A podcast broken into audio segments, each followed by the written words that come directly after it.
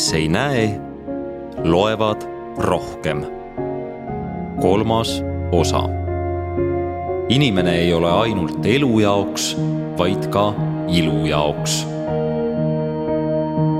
autor Priit Põldmaa. salvestus, helikujundus ja originaalmuusika Janek Murd. loeb Priit Põldmaa. Eestis tegutseb kaks nägemispuudega inimeste kirjandusringi, üks Põhja-Eesti ja teine Lõuna-Eesti Pimedate Ühingu juures. Nende kogunemised ei pruugi olla alati rahvarohked, kuid on tulvil kirglikku kirjandusarmastust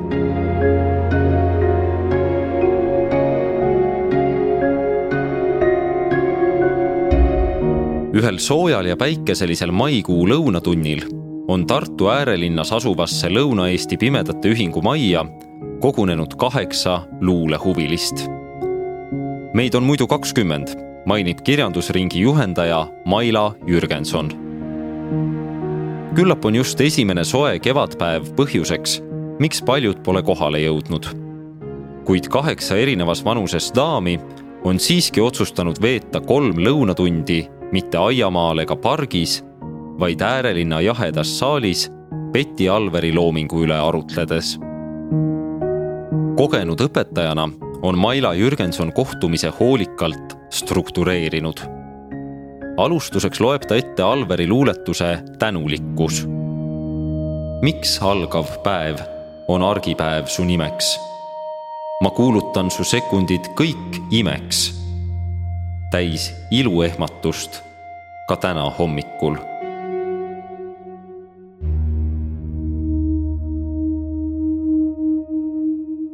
Maila Jürgenson töötab nägemispuudega inimestega alates tuhande üheksasaja üheksakümne neljandast aastast, kui asus tööle Tartu Emajõe kooli. Lõuna-Eesti Pimedate Ühingu kirjandusringi hakkas ta juhendama kahe tuhande viieteistkümnenda aasta sügisel.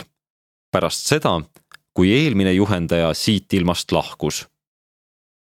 kirjandusringi liikmete hulgas on nii pimedaid, vaegnägijaid kui tugiisikuid. Kaasa räägivad kõik. soojenduseks jutustab igaüks paari lausega, mida tähelepanuväärset ta elus vahepeal juhtunud on siis palub Maila Jürgenson kõigil meenutada esimest kokkupuudet Betty Alveri loominguga. esimene kohtumine Betty Alveri luulega oli ilmselt koolis ma arvan, et ma olen elus ka Betty Alveriga kohtunud, aga ma ei mäleta. ma olen juba nii vana, ütleb proua Raja ja lisab, et tema lapselaps on saanud Betty Alveri järgi oma nime. Maila Jürgenson loeb ette katkendeid Karl Muru raamatust Betty Alver, elu ja loomingu lugu ja liigub siis loomingu tutvustamise juurde.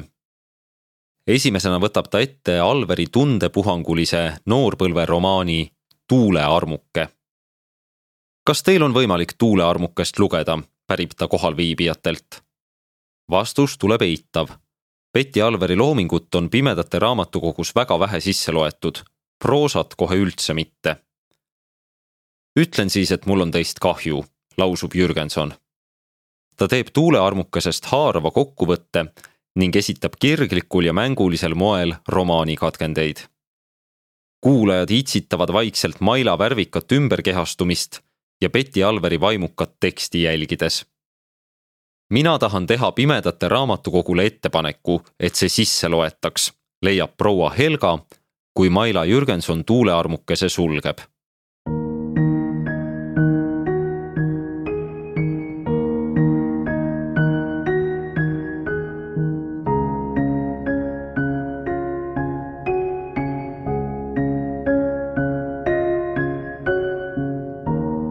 Vahepeal juuakse kohvi ja näksitakse küpsiseid, kuulatakse Rahvusringhäälingu arhiivist Mari Tarandi intervjuud Betty Alveriga ning Youtube'ist Kärt Tominga esituses laulu Korallid Emajões. siis liigutakse luule juurde. Maila Jürgenson on pannud paika luuletuste esitamisjärjekorra. ta loeb neid ette ise ja annab sõna ka ringi liikmetele. kõik ei ole kõigile kättesaadav selle järgi valisin, kes mida loeb, selgitab ta. Tulipunast vihmavarju loeb mõnigi kuulaja huultega vaikselt kaasa. loo käik on küllap kõigile ammu teada, ometi turtsatatakse mõnd rida kuulates üllatusest või rõõmust. kui mänguhoos tüdruku katkestab ema hääl, öeldes ole ometi tasem, pane vihmavari pingile ja tule tuppa sööma, siis tekitab see kuuldavalt magusvalusat äratundmist kevade kartuse lugemiseks tõuseb Maila Jürgenson püsti. kevad ei tule ja tulla ei tohi, tuisake talvised metsad ja mäed. ta teeb käte ja põlvedega rütmilisi liigutusi. mul läheb mõni viiv aega, et taibata. ta suusatab. hiljem selgitab ta neile ringi liikmetele, kes tema liikumist üldse ei näinud.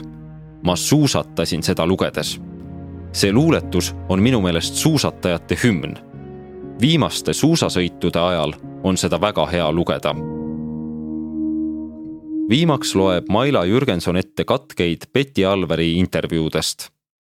materjali, mida ta klubilistega jagada tahaks, on kaugelt rohkem, kui kolmetunnise kokkusaamise sisse mahub. väga põnev oli, peegeldavad osalenud ja imestavad, kuidas Maila jõuab oma igapäevatöö kõrvalt kooliõpetajana veel kirjandusringi kohtumisi nii põhjalikult ette valmistada. see, mis ma siin teen, on hingele, vastab Maila Jürgenson imestajatele. kooliprogramm on selleks, et tervet maailma emmata, aga siin saab minna süvitsi. olen tänu teile nii palju huvitavaid kirjanikke avastanud. mõni on selline, et ma poleks teda ise iial lugeda tahtnud aga pärast selgus nii huvitav. järgmise kohtumise teemaks pakub Jürgenson uuema noorsookirjanduse, täpsemalt Reeli Reinausi loomingu. kokkusaamine lepitakse juunikuusse. keegi muretseb, kuidas jõuab Jürgenson seda ette valmistada, kui kooliaasta lõpp, eksamid ja muud kohustused on ukse ees. ärge muretsege, ööd on valged, hõikab Jürgenson rõõmsalt kui ringi liikmed avastavad, et Reinausi sulest on mitu teost ka heliraamatutena kättesaadavad, lepitakse kokku, et igaüks loeb mõne raamatu ja kohtumisel tutvustatakse neid üksteisele. ilus oli, ütleb proua Helga ukselt enne teele asumist. ilu on vaataja silmades, vastab Maila Jürgenson ja taipab siis täpsustada kõrvades ka luule lugemine pole töö, vaid nauding.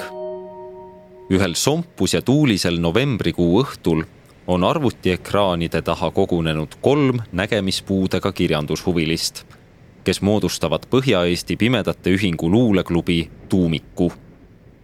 lisaks neile käib luuleõhtutel Kairi Rohtmets ta sattus aastate eest liikumispuudega inimeste liidu kaudu ühele Pimedate Ühingu korraldatud koolitusele ja tutvus seal Jaanus Riimetsaga, kes korraldab Põhja-Eesti Pimedate Ühingus kultuuritegevusi.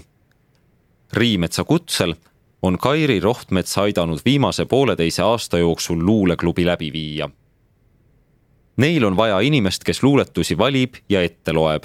see sobib mulle väga hästi Neil on huvi luulet kuulata, mul lugeda ja sellest ühishuvist sünnib midagi head. kui küsin, kas luuleklubi kohtumiste ettevalmistamine ja luuletuste ettelugemine on Kairi Rohtmetsa jaoks vabatahtlik töö, siis paneb mu sõnastus ta peaaegu kohkuma. muidugi, ma ei nimetakski seda tööks. luule on ju nauding iga kuu viimasel pühapäeval arutletakse kirjandusklubis ühe uue heliraamatu üle ja iga kuu kolmandal neljapäeval toimub luuleõhtu. kui puhkes koroonaviirus, kolis kirjandusklubi oma tegevuses Skype'i ja on nüüd sinna jäänudki. nii on liikmetele mugavam.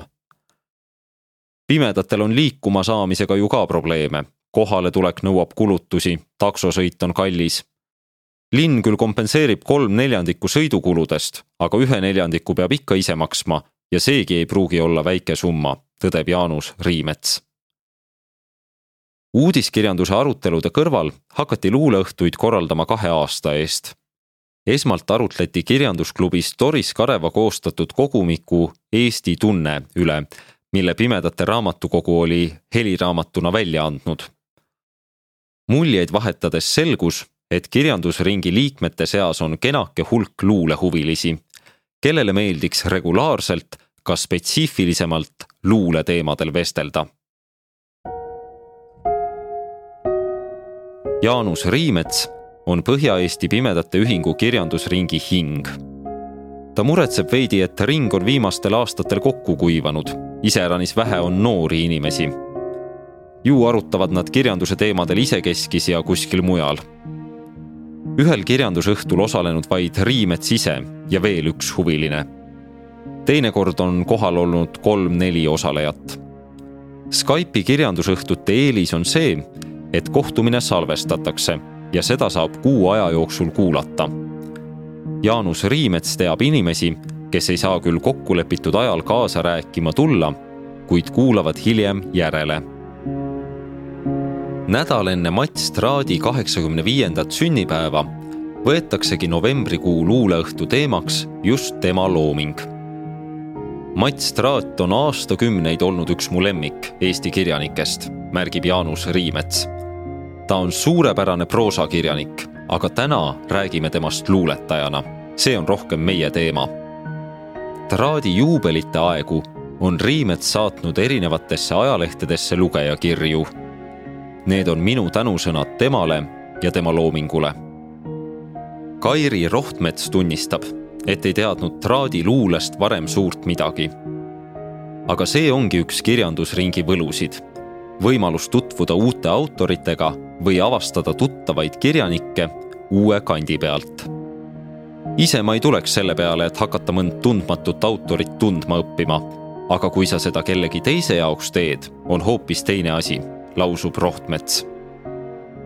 Jaanus Riimets avastas Traadi luule autori enda sisse loetud vinüülplaadi kaudu. Traadil on väga ilmekas ja isegi sugestiivne hääl sõnab Riimets. plaat ise on kolimiste käigus kaotsi läinud, aga mõni luuletus on Riimetsal siiani meeles. näiteks Avarii, mis räägib Aiva autoga kihutanud ja viimaks üle katuse sõitnud mehest. Valge näoga tilluke tütrik, justkui nööps oli täll. esi aga laaberd ümbre alati auru all. tsiteerib Riimets ja märgib, see on väga kurb samas inimlik ja sügav luuletus. Mats Traadi looming on tervikuna selline, natuke melanhoolne ja traagiliste sugemetega, aga väga sügav ja inimlikult soe. aeg Levila reklaamiks. Minu nimi on Daniel Vaarik ja ma kirjutan raamatut Kersti Kaljulaidist. selle nimi on Vapilõvi ja seda saab praegu tellida Levila leheküljelt aadressil vapilovi.levila.ee telli juba praegu kahekümne üheksa euro eest Levilast. sest mine tea, palju see jõulude ajal poes maksma hakkab. luule värskendab hinge. Jaanus Riimets on kirglik kirjandushuviline, kes jälgib uudiskirjandust ja loeb sageli üle klassikat. ta peab blogi Jaanus Riimetsa lugemised, kus kirjutab Pimedate Raamatukogu välja antud uutest heliraamatutest. ta raamatulembus pärineb kodunt. Jaanuse ema Mare Riimets, kellega nad Rummu alevikus koos elavad, töötas aastakümneid õpetajana Murru vanglas, kus juhtis lisaks emakeeletundide andmisele ka kirjandusklubi Kulg ja näiteringi tegevust. kohtusin Mare Riimetsaga viie aasta eest, kogudes materjali Murru vangla kohta. mu kõrvus kõlab siiani Mare Riimetsa vankumatu veendumus. ilu ei tee kunagi midagi halvemaks. ainult paremaks võib ta teha. Ma olen nii kaua vanglas töötanud, et pole paragrahvi, millega ma poleks kokku puutunud. aga sellist inimest, kelles mitte midagi head ei ole, pole ma kohanud. igaühes on midagi positiivset. ja kui sa tahad temaga kuhugi jõuda, siis tegele sellega, mis temas positiivne on sarnane usk, et ilu ja looming inimhinge igas olukorras toetavad, näib kannustavat ka Mare poja Jaanuse tegevust Jaanus tõdeb kerge muigega, et tema praegune töö Pimedate Ühingus sarnaneb mõneti sellega, mida ema tegi vanglas. aga vanglas olid inimesed suletud süsteemis, vajasid sellist asja väga. pimedad on kõik omas kodus, igaüks tegeleb oma asjadega ega tunne võib-olla nii suurt vajadust kirjanduse ja kultuuri järele. kultuur on üldse vähem populaarne, lausub ta veidi nukralt sissejuhatav jutt Mats Traadi loomingust räägitud, loetakse loomulikult luulet. Kairi Rohtmets on välja valinud mõned tekstid ja esitab neid rahulikult, napilt, kuid suure sisemise emotsionaalsusega. on unistus kui ränikivi, loeb Rohtmets Traadi luuletust Unistus ning seepeale arutatakse üheskoos, mis teeb just ränikivi unistusega sarnaseks. kas ränikivi teravus või tugevus või see, et ta lööb tuld välja. lõplikku vastust ei leita, kuid luuletus on tekitanud elavaid kujutlusi. kui kohtumine hakkab lõpule liginema, teen ka suu lahti, et küsida, mida luule kohalviibijate jaoks tähendab, miks seda vaja on. Jaanus Riimets minu jaoks on ta hingevärskendus. praktiline elu, reaalelu vohab kõigest üle, mis meil hinges on. aga inimene ei ole ainult elu jaoks, vaid ka ilu jaoks. ja ilu on luules. Kairi Rohtmets nõustub ja täiendab. luule on enda põhiloomuse juurde minek. muidu pead kogu aeg kuidagi olema või näima aga kui sa luule juurde lähed, siis sa võid olla selline, nagu sa oled. ma ei kujuta enam ette, et saaks ühtegi aega ilma luuleta olla. Jaanus lisab veel. luuleks nimetatakse eesti keeles ka seda, mis ei ole päris tõde. aga tõeline, hea luule ongi päris tõde. see läheb inimese sisse sügavuti, mitte pinnapealselt õhtu lõpetuseks lepitakse kokku järgmise korra teema. Jaanus pöördub kirjandusringi vanemate liikmete poole. Öelge teie, millest me järgmine kord räägime. Te olete elu näinud mehed. peatub hetkeks ja täpsustab. noh, näinud te võib-olla ei ole, aga elu kogenud küll. kõik muhelevad oma arvutite taga kuuldavalt. detsembrikuisel kohtumisel otsustatakse lugeda jõululuulet. pärast seda keskendutakse aga Juhan Smuulile, kelle sünnist on möödumas sada aastat. ühel Põhja-Eesti Pimedate Ühingu Skype'is toimunud luuleõhtul kuulsin, kuidas üks vanem mees luges punktkirjas raamatust ette Ernst Enno luuletusi. oli tõesti tunda, kuidas ta kompas iga üksikut sõna ning vahendas neid haruldase mõttetäpsusega. ta tajus luuletust mitte üksnes kaunitest kujunditest moodustuval esmatasandil, vaid nüansshaaval iga sõna ja tähendust avastades. Tartus nägin, kuidas Lõuna-Eesti Pimedate Ühingu kirjandusringi liikmed lugesid punktkirjas lehtedelt Betty Alveri luulet. see, kui vilkalt ja tundlikult nende sõrmed punkte mööda liikusid ning kui klaarilt ja kirkalt nende hääl luuleridu kuuldavale tõi meenutas virtuooslikku pillimängu. kui kogenud lugeja loeb ette punktkirjas teksti, tundub see olevat täpselt õige tempoga, et ka kuulajana mõtet kõige paremini haarata. ettelugeja tunneb sõna kärmelt ära ja edastab selle kuulajale.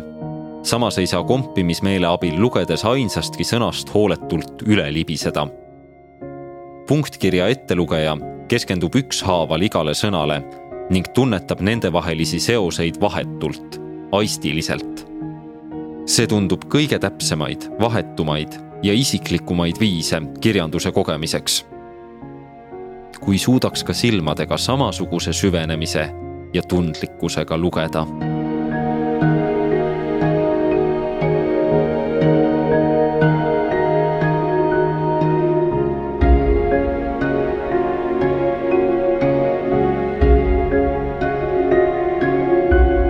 Levila kaks tuhat kakskümmend kaks